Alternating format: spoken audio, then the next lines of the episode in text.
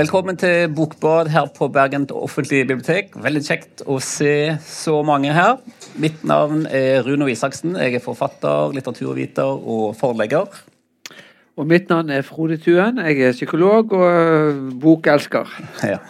Hjertelig velkommen til deg, Trude Morstein. Tusen takk. Veldig kjekt å ha deg her i Bergen. Og veldig fint å være her. Ja, Vi har invitert deg til å prate først og fremst om denne romanen her, 'Egne barn' som har fått veldig god mottagelse, må vi kunne si. Eh, Aftenposten skrev bl.a.: I sin beste, modigste og tristeste bok til nå er Trude Marstein på vei mot et eget nivå i norsk samtidslitteratur. Det er jo veldig fine ord. Eh, jeg skal si bare noen ord om handlingen før vi går i gang. Eh, I det ytre så er handlingen veldig enkel, egentlig. Eh, det handler om noen mennesker som møtes på I boken heter det Torp, altså et småbruk eh, i Sverige for å ha dugnad en helg. Ja. Ja. det er Anja som er hovedperson, og vi møter henne og hennes eksmann Ivar, som eier den dag i dag dette torpet sammen. Og På torpet møtes de alle sammen i tilsynelatende i hvert fall begynnende harmoni. Anja og hennes nye mann Pål, Ivar og hennes kjæreste Solveig. Og så er det tre barn med litt ulike foreldre. Det er flere barn òg, men det er tre som er til stede der. Eh, de jobber, eh, maler, de spiser, og de drikker, og de prater. Eh, og alt er sett gjennom Anjas blikk. Det er hun som er jeg-personen, som, ja. som, ser og tolker det som foregår. Så det er lite ytre handling, kan man si, men det er til gjengjeld utrolig mye indre handling. Eh, Eh, så det er kanskje Anjas, det, Anjas tanker og analyse om det som skjer nå, sa jeg, men òg i ekstremt stor grad tilbakeblikk på det som skjedd, har skjedd tidligere i livet med hennes mann, med hennes barn, med hennes eksmenn. Ja, det, det, kunne være en sånn litt overflatisk måte å oppsummere romanen på. Hvis du skulle driste deg til å oppsummere sånn kjapt for å sette de som eventuelt ikke har lest om vaden inn i det, hva, hva ville, hvordan ville du gjort det? Er det ikke det du har gjort nå? var det godt nok? ja, jeg syns det var uh, mer klarere og mer effektivt enn det jeg klarer å gjøre. Så jeg er fornøyd med den. ok, Nei, men det er bra. Uh, vi møter to kreative sjeler som er hovedpersoner. Anja og Ivar. Ivar er, får vi følelsen av, en, en, suksessrik forfatter som blir lest, og som produserer, og som blir utgitt og som blir lest. Han er anerkjent. Anja eh, er òg en kunstnersjel, men hun har gitt ut kun én bok, og det er ganske mange år siden sist. Nå jobber hun som i, på markedsavdelingen i et forlag, så hun lever egentlig av å selge andres bøker nå. Mm. Eh, og Du behandler egentlig dette temaet, det hovedtemaet, hva det vil si å være kunstner på, på eksistensielt dypt nivå, og samtidig på trivielt på seg, litt sånn, Hvem sin tur er det til å få tid til å skrive nå-nivå. Eh, så det eksistensielle og det faktiske, praktiske Det spennende der syns jeg var veldig interessant. Vil du si noe om det? Eh, tematikken, det å være kunstner, det å ferdes, balansere mellom et kunstnerliv og et liv som foreldre som Åh, ja, det Uh, jeg ble jo Jeg har vært litt sånn opptatt av å ikke være opptatt av kjønn når jeg har skrevet. Og jeg har faktisk ikke vært det heller. Eller ja, i hvert fall ikke ønsket å være det. Og så har jeg nok blitt det litt mm, med de to siste bøkene mine. Og morsrollen, og hvor mye uh, enklere det er å være en dårlig far enn en dårlig mor. Uh, Og det Ja, det gjelder både den forrige boka mi, som jeg hadde, men også den her. Eh, og det å være kunstner og forelder. Jeg tror fremdeles at det er lettere for en, en far enn en mor. Så Anja må jo ta seg av barn, og hun må forsørge Ivar, for de selger ikke så mye i disse bøkene hans.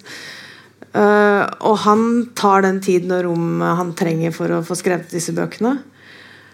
Um, og så er det jo lett å da liksom, tenke at det er urettferdig og urimelig at hun ofrer seg osv. Men så tenker jeg at det er også kvinnen og morens ansvar. Da. Så det ble jeg også opptatt av mens jeg skrev denne, at jeg kunne bli litt irritert på Anja også. At hun, hun må ta den tiden og det rommet. Uh, det har jeg erfaring med selv, og det må man. Altså, det tar veldig mye tid å skrive en roman. Man må selvfølgelig sørge for å være en god mor samtidig, men man må også um, forsake en del av det ideelle og perfekte, tror jeg.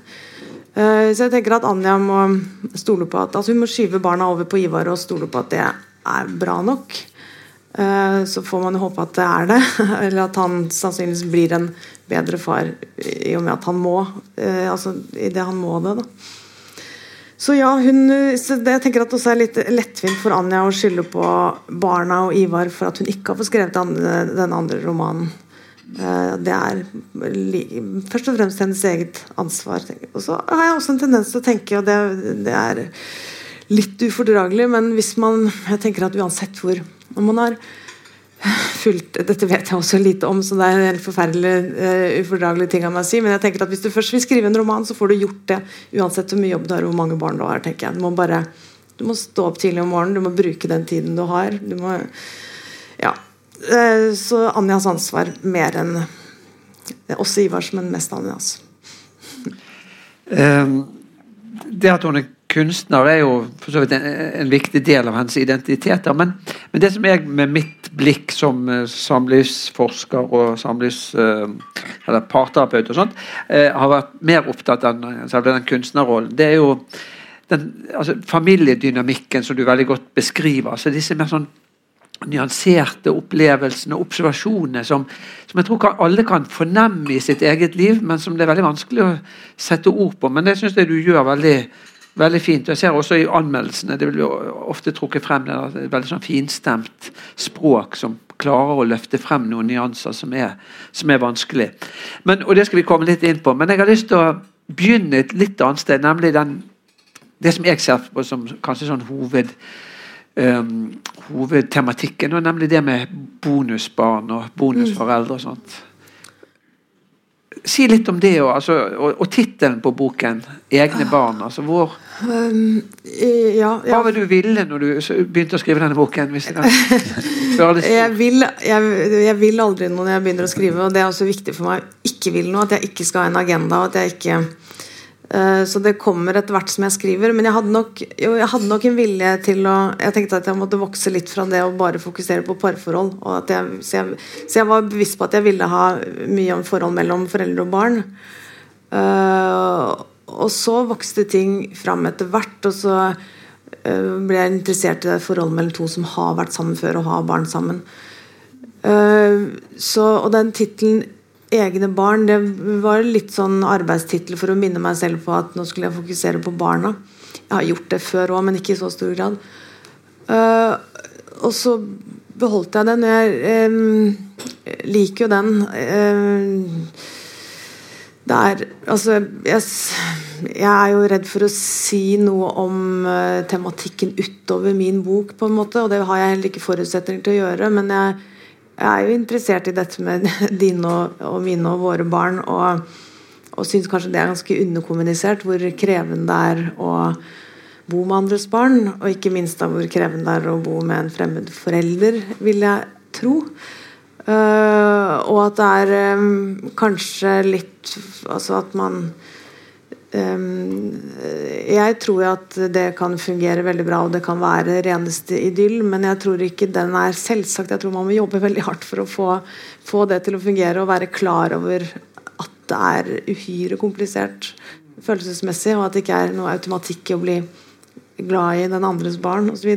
Noe som jeg tenker at det er helt nødvendig at man faktisk blir hvis man skal bo i samme hus. Så jeg syns det, ja, det, er noe ganske brutalt med disse voksne og barna som blir plassert sammen. Og det er selvfølgelig de voksnes ansvar, de voksnes valg. De voksne som blir forelska. Barna blir ikke det. Så, så ja, jeg synes, nå, nå jo, skrives jo mer om det nå enn før. Men, men lite om de forbudte følelsene og sånn, tenker jeg. Ja.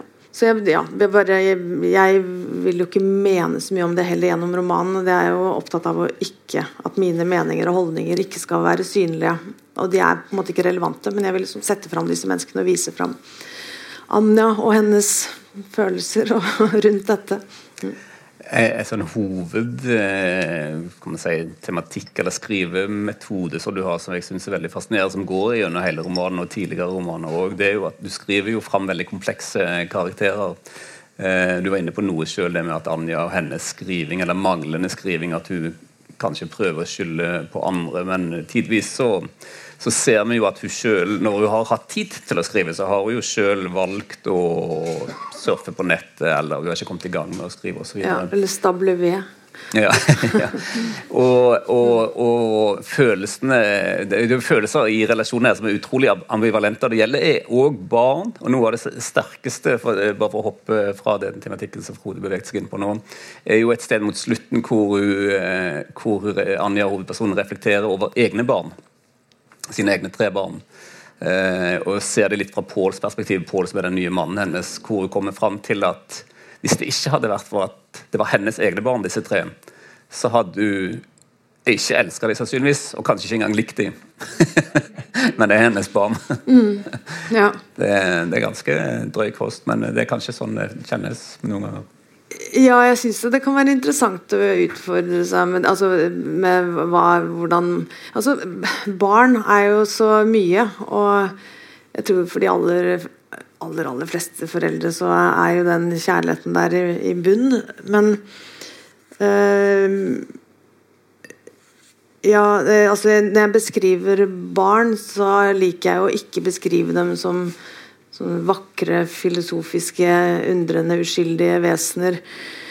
De er det også, men de er så veldig mye annet også. De er uh, irriterende og strategisk og sleipe og uregnslig og eh, alt det som barn er. Og det og eh, Altså, jeg opplever selv at jeg får mer empati med dem og blir mer For jeg må på et plan bli beveget selv av det jeg skriver fram. Da. Jeg er på en måte ikke ferdig før jeg kan bli det. Og, og, og jeg opplever selv at jeg blir, lett, blir, mer beveget når de er ordentlig sammensatt og har alle disse usympatiske og litt ekle siden også.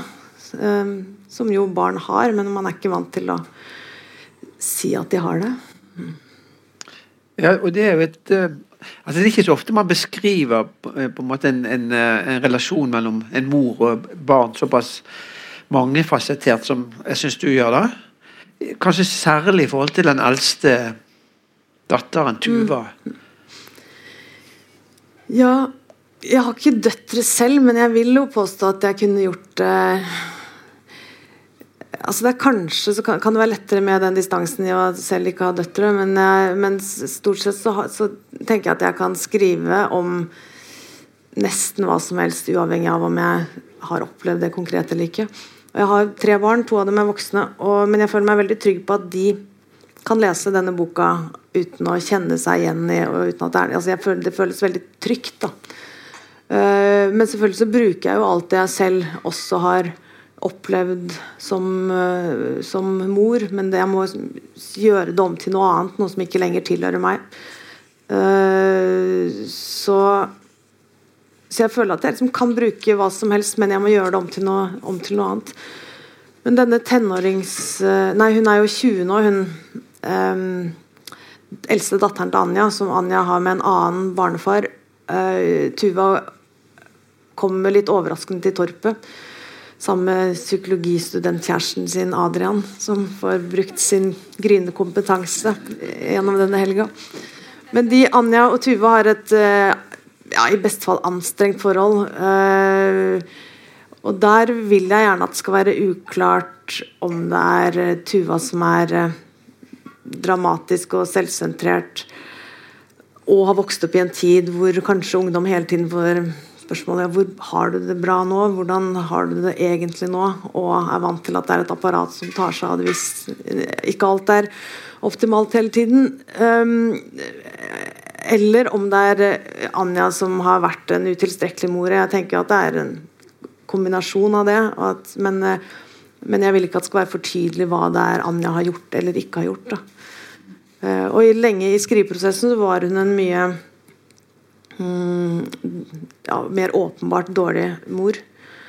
Uh, men da ble den mindre interessant, så jeg ville si jeg har balansert den etter hvert. Uh, og lot den også være overkompenserende av og til. Men Altså, Jeg har jo mange innvendinger mot henne som mor, men jeg syns ikke hun er sånn dramatisk dårlig, sånn som hun var en stund. det, det er veldig interessant, og denne boken er jo er utrolig perfekt for vårt konsept. Kan, for det er veldig mye som handler om det å være skribent, og det er mye sånn interessante skrivetekniske ting som å se for, og, og, for din del veldig mye relasjoner. Og så er vi jo interessert i begge deler, begge to. Men det, det som du nevnte, nå la jeg merke til, og det kan jeg òg reflekterte litt over fra et sånn fortellerteknisk eh, perspektiv òg.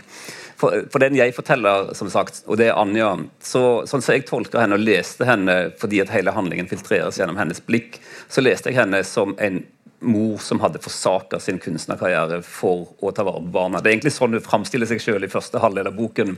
Fram til egentlig eh, det store, et av de store klimaksene, som er Tuva sin, sitt oppgjør med sin, sin mor og, og, barndommen. Og Da ser vi, da framstilles Anja i et helt annet lys. Da framstilles hun som en mor som ikke har vært så mye til stede i barndommen. i det hele tatt. Og I begynnelsen så, så tenkte jeg at hm, dette, var jo, det, dette, var jo, veldig urettferdig på en måte for Anja. Men så ser jeg også at okay, dette, for, dette handler også om, om perspektiv, fortellerperspektiv. Mm. For vi har Så langt har vi sett alt, og det gjør vi for så vidt hele tiden gjennom Anja. Men så kommer andre inn og irettesetter henne. Da blir hun det som kan kalles en litt mer sånn Er hun en pålitelig forteller? Hun er litt upålitelig forteller, kanskje. Men det, det, forteller kanskje bare Det er vel kanskje et allment Hva, hva er en upålitelig forteller? alt Jeg, jeg tenker at i enhver interessant skjønnlitterær bok så må det være en upålitelig forteller. Eh, I hvert fall eh, altså ikke, en, ikke nødvendigvis en sånn eh, bevisst løgnaktig forteller. Og jeg tenker også at hun mer opplever en forteller. Eh, så hun henvender seg ikke til noen leser, hun kommer ikke med sin historie. Hun vet ikke at hun har lesere, så dette er som alt som foregår inni hennes uh, altså hennes opplevelse av å være til stede i sin tilværelse. Så det er ikke noe forskjønnet bilde. Hun prøver ikke å framsette et, et penere bilde av seg selv, men hun har jo en, en selvinnsikt som innimellom ikke er helt stødig, som det gjelder vel kanskje de fleste av oss. men Eh, men ja, det er liksom hennes, hennes, perspektiv. Men samtidig så vi, ser vi jo hele tiden andres reaksjoner mm. på henne. da. Du, du sier hun har selvinns, en selvinnsikt som ikke er helt stødig. ja, eller med brister, i hvert fall. Ja, ikke sant, fordi at Hun blir spurt av Pål vel, som spør henne har du et trøblete forhold til, til uh, Tuva. Mm. Og så sier hun ja, hun vet ikke helt hva, om det er så trøblete. Hun vet ikke helt. Mm. Og det tenker jeg at ja, men med, med mitt blikk så har hun absolutt ikke et trøblete forhold. Men det er interessant å høre hvordan du, hvordan du, ser på henne som mor generelt for alle disse tre barna i forskjellige stadier. Nå er Lotte er 14, en vanskelig mer sånn åpenbart vanskelig tenåring. Og så er det Falk på 11 som er sånn sårbar og trekker seg unna. Og så er det Tuva som også er sårbar på en litt mer påtrengende måte, kanskje. Mm. Litt demonstrativ overfor moren. Ja. Men jeg er opptatt av hvordan du oppfatter henne som mor. ja, nei, altså Jeg syns du tegner et veldig, veldig nyansert mm. portrett av henne som mor. jeg synes det. Eh, du skriver et eller annet sted noe om, altså, om hennes sinne. Mm. Eh, og at hun når Tuva var mindre, så var det mye sinne. At, altså, hun kom jo knapt nok hjem fra skolen eller barnehagen eller noe sånt, uten at hun begynte å gråte fordi at moren å, var så sint på henne. Og sånt. Og Da fikk jeg litt sånne uh, assosiasjoner til uh, Monica Isakstuen sin 'Rase'. Mm. av Den boken som kanskje noen har lest om, som handler nettopp om det der. altså En skilt mor som er fryktelig uh, sint, rett og slett. Og så, da så jeg noen sånne paralleller der. Men samtidig i andre eh, partier så er hun veldig tålmodig og forståelsesfull og kjærlig og virkelig vender det andre kinnet til, selv om disse barna kan være veldig urimelige, ikke minst Tuva. da. Hmm. Gir det mening, eller? Ja. ja. ja. Uh, ja, jeg vet ikke om jeg kan si så mye mer om det, men ja. Det, hun, uh, og så er det jo forskjellige stadier i livet også. Hun var alenemor og hadde ikke noen annens blikk på seg. Det er jo Eh, også interessant det der, hvor, det der å være eh, to, i samme rom, eller to voksne i samme rom eller ikke. Hvor, hvor mye mer man kan tillate seg. Altså, ja. Hun, altså hun har vel altså, Det kan jo se ut som en roman om at hun har som, som dere sa, at hun har forsaket liv som kunstner for å ta seg av barna. Men hovedfokuset i hennes liv har kanskje vært det der med kjærligheten til en voksen mann og begjær, og så kanskje fokusert for mye på det. For det var jo noe så veldig usunt i det forholdet med Ivar. Mm. Uh, så det tok kanskje mer plass enn både barna og skrivingen, mm. tror jeg kanskje. Mm. Og så er spørsmålet hvor, om det er greit eller bra at barna ser liksom foreldre som er så opptatt av hverandre og har denne ja, begjær og drama og, og så videre. Men uh, det, så jeg har vel liksom følelsen av at de barna går litt for lut og kaldt vann også i den mm. kjernefamiliesettingen. Ja. Mm. Kanskje vi skal ta et lite sidesteg her før, før du skal få lese litt. Det gleder vi oss òg til. Eh, altså et, et kunstnerpar hvor begge skriver eller ønsker å skrive. Kan vi få spørre deg om hvordan din eh, skrive, skri, ditt skriveliv ser ut. Du i, står du òg i, i, spagat, eller hvordan ser din skrivehverdag ut? Du, det går ca. tre-fire år mellom hver gang du kommer med en ny roman. Hva skjer i løpet av den tiden der, stort sett? Jeg er, veldig glad i å jobbe, så jeg jobber veldig mye også med andre ting enn skriving. Jeg vil jo helst skrive roman, men jeg bruker lang tid på å komme i gang. Men jeg har jo tre barn, øh, og jeg vil jo si at jeg har altså jeg har jo vært mye mer fysisk til stede enn mange andre foreldre. Vi har jo jobbet hjemme, og de har begynt seint i barnehage, hatt korte dager i barnehagen og lange ferier og sånn. Men jeg har ikke vært så mye på gulvet og bygget Lego. Jeg har jobbet masse. Men også sørget for å stå, stå opp. Dette høres veldig um, ja, Men ja, ja, struktur og disiplin er jo viktig hvis noen i et sånt yrke og med barn. Så jeg har stått opp før dem om morgenen og hatt økta. Og, men jeg har jo Så det har jo Barna vil jo alltid være viktigst sånn på spørsmål hva som er viktigst. Men det er jo sånn, barna og skrivingen det er, det er ikke alltid jeg er sikker på hva som kjennes viktigst. Eller veldig mange situasjoner kjennes skrivingen utrolig mye viktigere enn barna. Men sånn, til syvende og sist er selvfølgelig barna viktigere. Men det er jeg har jo hatt noen runder med det hvor, hvor viktig skrivingen er, da, og hvor mye jeg har så hvor stor grad jeg har satt den foran alt annet. Og det må man gjøre. Og så må man bare sørge for at det er uh, innafor det forsvarlige, og det mener jeg at jeg har gjort. da. Og jeg føler meg trygg på at jeg har gjort det, men uh, jeg har holdt hardt noen ganger, kanskje. Du skal få lese, og psykologen Frode la vel merke til at du sa at du var mye fysisk til stede. Det er jo det er godt. Ja, det, det, det hjelper mye.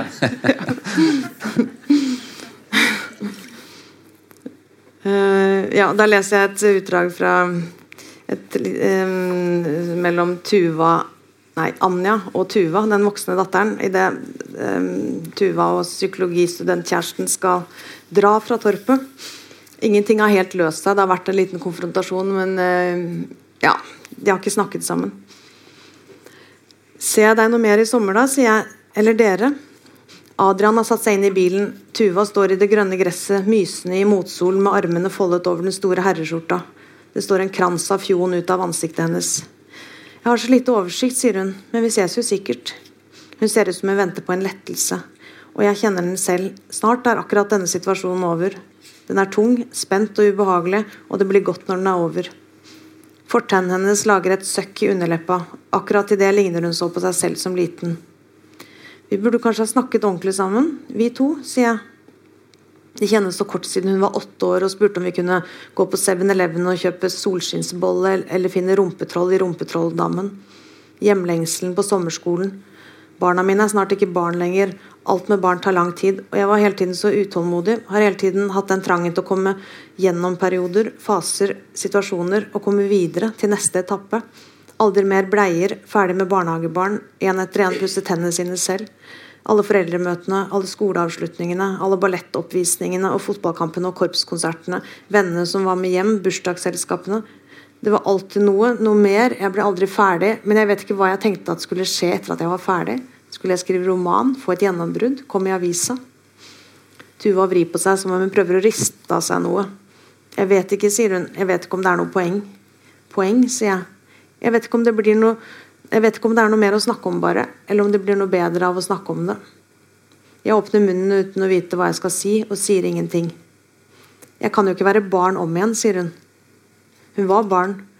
Hun rei på en flekkete ponni. Vi spiste, spilte tre timer Monopol i strekk. Hun spiste den største softisen hun noen gang hadde sett, med flerfarget strø. Badeland med bølgebasseng. Jeg ville gi henne hva som helst. Når begynner du jobb igjen, sier jeg. Eller ungdom, sier hun. Jeg kan jo ikke være det om igjen. Og da tenker jeg Hun kommer ikke til å stoppe. Aldri. Jeg er ferdig, det var bare det året, sier hun. Jeg skal studere på Blindern. Hva da, sier jeg. Hun kaster et utålmodig blikk mot Adrian i bilen og ser på meg med det samme blikket. Filosofi, sier hun. Å, sier jeg. Hun nikker. Filosofi, sier jeg. Ja, det sa du i går. Jeg klemmer henne. Det er ingen protest i henne, men vi klemmer som to bekjente. Så setter Tuva seg inn i bilen ved siden av Adrian. Så mange ganger jeg har pustet ut i en sval lettelse når jeg har sett Tuva gå, eller jeg selv snudde meg, og gikk, snudde meg og gikk fra henne, nesten hver gang da hun var barn. Livet kjentes enklere når hun var et annet sted. Å være sammen med Tuva kjentes tidvis som en lang rekke utfordringer og opp opplevelser av å mislykkes. Av å hele tiden spille en fremmed rolle og prøve å tolke meg fram til hva som var det riktige. Streve veldig med det, og sjelden lykkes.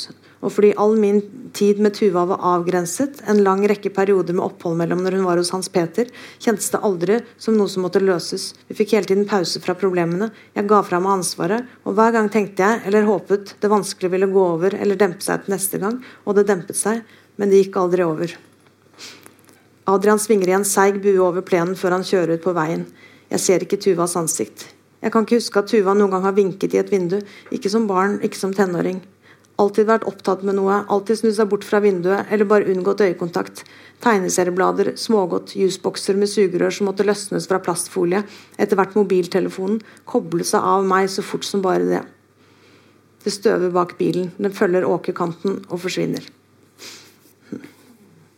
Ja, eh, det er jo et, en, en, av veldig mange sterke scener. Jeg tenkte bare på akkurat det som akkurat den lille passasjen inni der med denne undringen om det blir noe bedre av å snakke, av å snakke om det. Eh, hvis vi løfter det opp til et metanivå, blir det noe bedre av å skrive om det? For oss lesere. Uh, ja, det er et godt spørsmål. Um, det blir vel ikke nødvendigvis det, men det er, altså, hvorfor skriver man og hvorfor leser man? Det er jo eh, Jeg blir veldig glad når folk kjenner seg igjen, og da ikke nødvendigvis bare i konkrete situasjoner fordi de har dine, mine, våre barn osv., men bare sånn Jeg bruker jo Jeg tenker at jeg all tematikk er litt sånn rekvisitt-tematikk. At jeg egentlig ikke er noe temaforfatter, men at jeg bruker det som igangsetter for å bare vise fram alle de små bevegelsene som skjer mellom mennesker hele tiden. Eh, sånn mikroting. Og, så jeg vil jo at folk skal kjenne seg igjen. Eh, og så er det noe hvis jeg som blir pressa til å si hva jeg vil med bøkene mine. Det blir jeg ikke nå, men jeg sier det likevel. men så, så, er det det å eh, vekke empati for personen i bøkene, og kanskje til og med generelt, men det kjennes som noe litt for stort. Altså jeg, ja, jeg, vil skrive gode bøker som folk har glede av å lese og kjenner seg igjen i. Og så trenger det ikke skje så mye mer enn det. Jeg synes at uh, altså, det, Man har gjort forskning på det med empati. altså Folk som leser bøker, utvikler mer empati sånn generelt. Og Det er jo fordi at man da øves opp i å mm. ha et utvendig perspektiv. Sant? Ellers er man jo bare inne i sitt eget, altså mer eller mindre.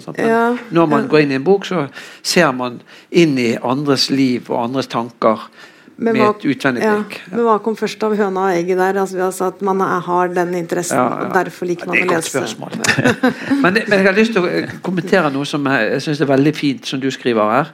Eh, som nettopp understreker den der eh, de nyansene som jeg, jeg syns du er så flink til å få frem. Eh, som mange kan gjenkjenne, men som man ikke vil klare å sette ord på like tydelig som du gjør her. Det, du beskriver altså forskjellen mellom, mellom Pål, altså Anja sin nåværende kjæreste, og Ivar. Og Pål fremstår som en ganske fin fyr, det vil jeg si. Mm. Eh, mens Ivar er nok en type som er litt vanskelig å like. Mm. Og så skriver du her et annet sted, nå skal jeg lese, det var veldig kort. Jeg liker det ærlige og uforstilte ved Pål. Han ville fortelle at han likte meg, men mer enn å fortelle at han var en som likte meg, ville han fortelle at jeg var en han likte. Med Ivar var det omvendt.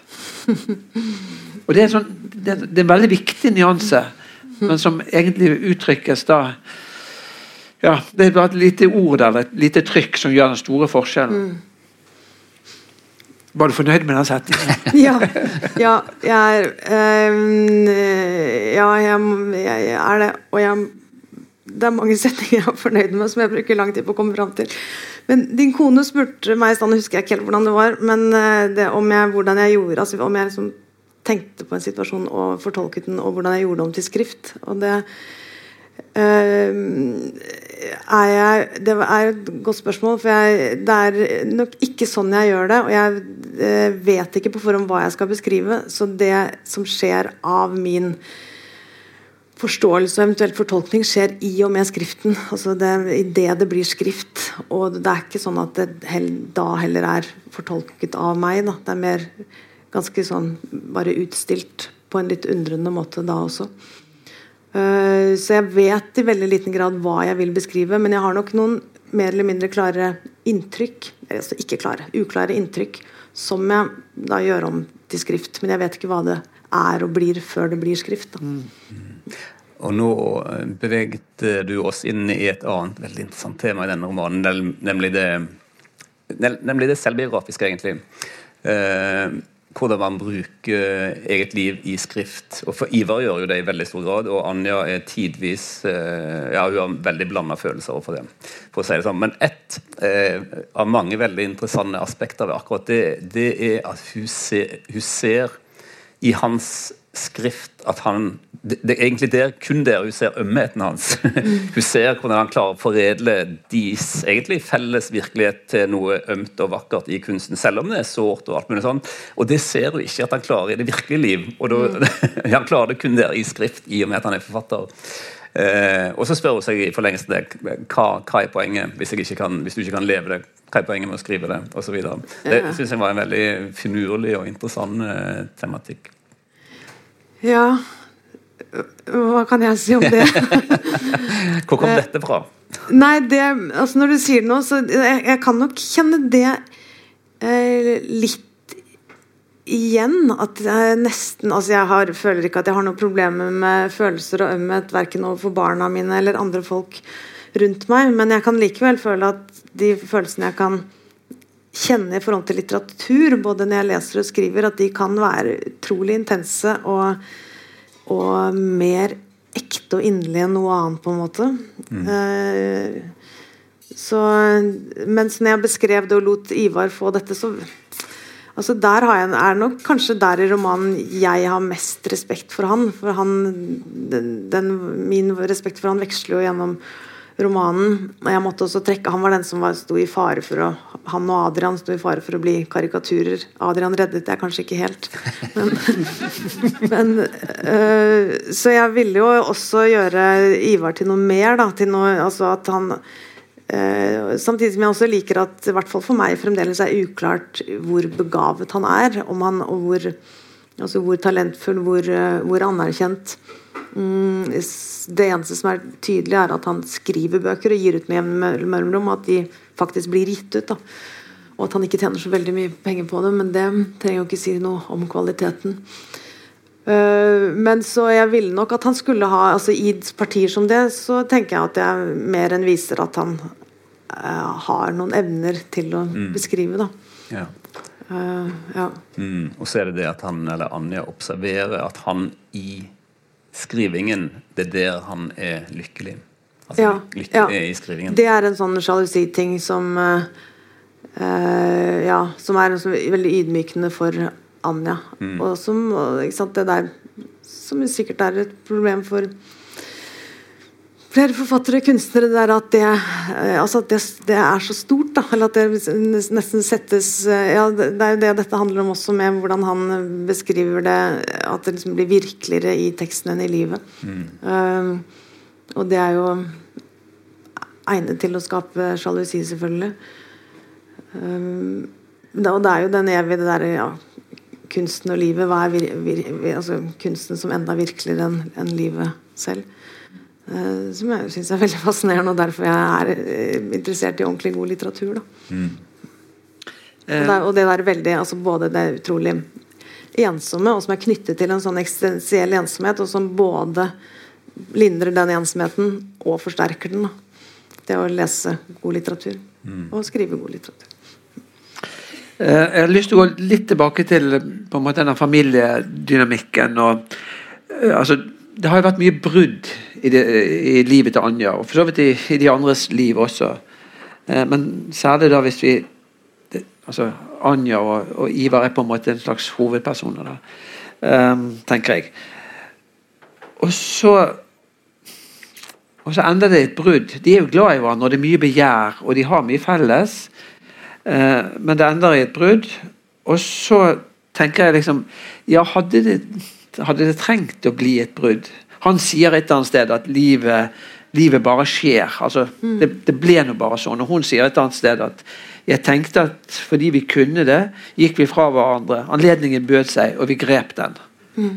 Så tenker jeg liksom Burde de, kunne de ha kjempet mer for dette forholdet? Eller har du noen mm. tanker om liksom eh, Ja, eh, og det Altså jeg skjønner hvor du vil, og jeg tenker at har, du har helt rett i det. At det var kanskje et forhold som de ga opp altfor lett. da. Uh, og hadde en sånn mm, naive tanker om at det gikk bra med barna, at de ikke led noe under det. Um, så ja, jeg har lurt på etterpå hvorfor jeg ikke brukte mer tid på det bruddet, men jeg likte litt at det bare var noe som uh, skjedde, og at jeg ikke på en måte uh, forsvarte dem ved å vise at bruddet var uunngåelig, f.eks. Så, så, men jo, jeg tror, jeg tror, du har veldig rett i det. De skulle gå til parterapi. Ja.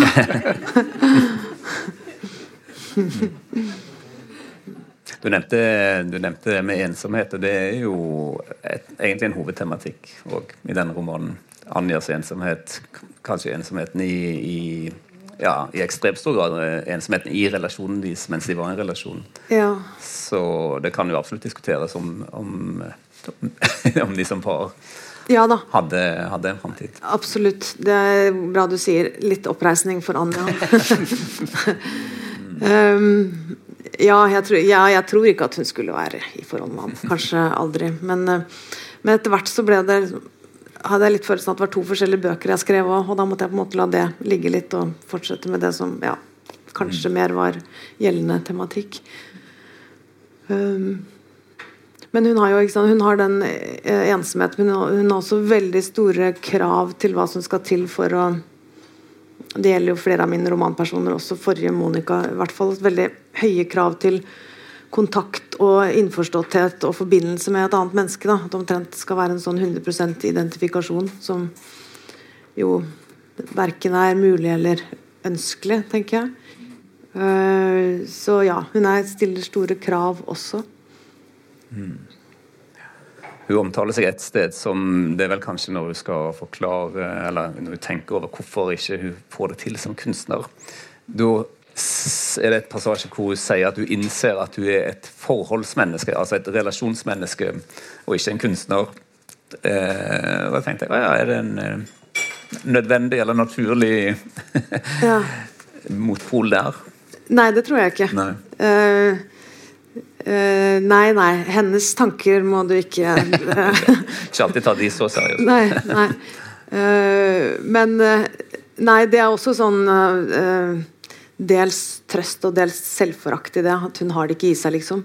Ja. hun kjenner det der og da, da, for hun tenker tilbake på det hvor hun en episode hvor hun fikk en helg til å dra til Torp alene for å skrive, og da savna hun barna og savna Ivar. og Eh, begynte å stable ved i stedet og, og drev og gikk på besøk til et sånn eldre na naboektepar som ville sitte i fred i stresslessene sine og se på TV, mens hun kom og liksom ville snakke med dem. da, mm. Istedenfor å være alene og skrive den romanen. Mm. Så, så, jo, nei. altså Jeg tror eh, ikke at det er et eh, altså Jeg tror man kan være både forholdsmenneske og eh, ordentlig forfatter, men det er klart at man må jo klare å trives med å være alene og jobbe med tekst. da, og det mm. har en kanskje ikke helt i seg i den livssituasjonen hun er, i hvert fall.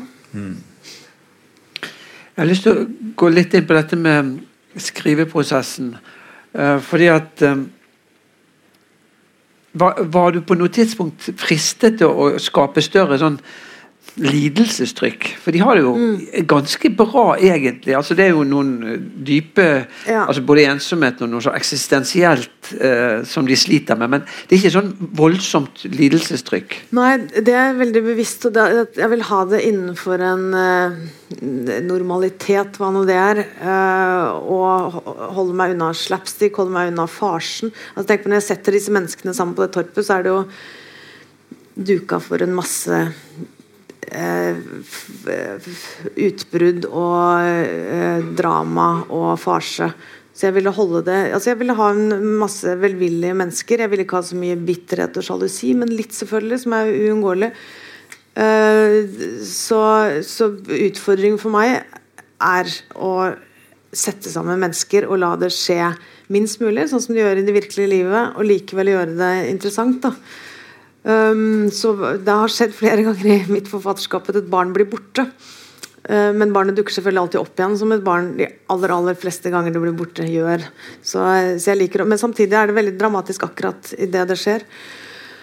Um, men også det med uh, Det er litt sånn kjepphest jeg har, at, uh, um, at man har ikke alle disse forløsningene, disse utbruddene av følelser. De har, de har masse følelser, eh, både velvillige og mindre stuereine, men de, de må holde dem inni seg, sånn som man stort sett må.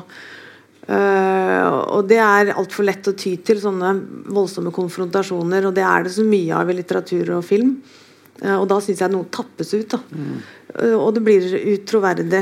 Så jeg vil bare ha, la dem ha disse innstekte følelsene og oppføre seg adekvat. Og det slår meg jo lenger jeg holder på med dette. Man er utrolig adekvat, og man følger et helt enormt intrikat eh, omfattende sett av sosiale normer og regler, små nyanser, og man holder seg så innafor det. Og hvis man går litt utenfor, så blir det veldig lagt merke til. Så jeg vil liksom bare holde de innafor de grensene, men presse dem bare litt mot dem. Så disse tre barna har hvert sitt utbrudd, men de voksne holder seg liksom veldig i skinnet. Og da opplever jeg at det blir mer utsatt og mer spent så lenge jeg holder de innafor. Uh, hvis de skulle begynne å skrike og rope til hverandre så, og um, eh, bli ordentlig ufine og slemme, så, så da blir det ikke så interessant, syns jeg. Eh, Helt enig. tiden- løper, ser jeg. Eh, Jeg tenkte bare skulle ta akkurat det med de voksne. Altså Anja og Ivar er jo eks ekser. Eh, men de har fremdeles en dag i dag et ganske komplekst forhold. I begynnelsen så ser det ut som Anja forakter han, og det gjør hun vel tidvis òg. Men i løpet av denne helgen på, på Torpet så det, er jo, det skjer jo en del ting mellom de som ikke de andre vet om òg.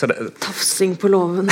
Tafsing på låven. Så det er jo det er, det er en, kjær, det er en kjærlighet, kanskje i hvert fall et begjær, Ja. som, som er der stadig. Selv om de er etablerte og Ja. ser ut som i relativt velfungerende relasjoner i dag.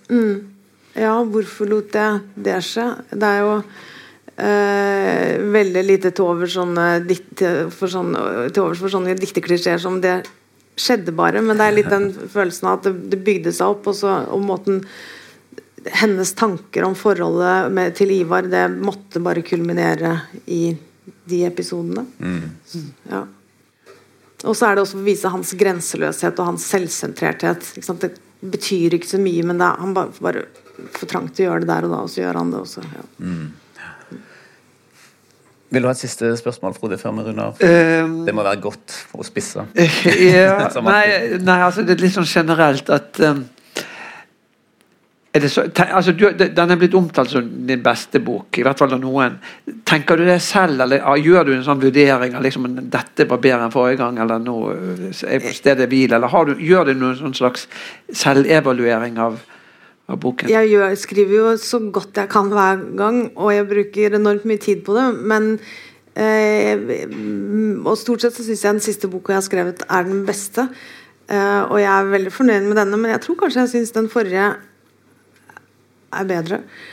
eh, Hvis det går an å si. Og, og så veit jeg også, selv om jeg har jobba enormt mye med den, og det tar virkelig veldig, veldig mye tid, så brukte jeg nok enda mer tid på den forrige. Og den hadde Den var noe mer intrikat, tror jeg. Og ja, flere tidsplaner. Um, men jo, det er jo en følelse av å hele tiden ut Jeg har ikke mye litt følelsen av å skrive den samme boka om og om igjen, men at det er en utvidelse for hver gang. Da, at jeg, at jeg, jeg føler at jeg utvikler meg som forfatter, absolutt. Men um, jeg gjør ikke noe Jeg finner ikke opp kruttet på nytt hver gang. Langt fra. Det er som sagt litt følelsen av å drive med det samme igjen og igjen, men at det, det er greit. Mm. Og, det, og, det, er greit for oss lesere, ja. og det er for så vidt en følelse av å finne det opp om igjen hver gang. Og så dikte opp nye mennesker som jeg skal bli interessert i. Da, og da kjennes det som et helt latterlig yrke. Som sånn, ja, Finne opp disse menneskene og skulle få folk til å tro på dem. Inntil jeg kommer dit at de blir ordentlige mennesker, at, at jeg tror på dem. Og da, det, da kjennes det ikke tullete lenger. Mm. Nei, og heldigvis, du har et, eh, et, meningsfullt yrke og en meningsfull forfatter. Det kan vi vel lese ut av eh, antall lesere du har, og antall til stede her i dag. Vi skal vi runde av. Eh, tusen takk til deg, Trude Marstein. Det var, jeg har virkelig kost meg. Tiden har flydd. Mm. Takk til deg, Frode. Takk til dere som er her. Takk til biblioteket som alltid. Takk til Emilie som styrer med lyd og alt det der. Og så igjen takk til deg, Trude. Takk for meg.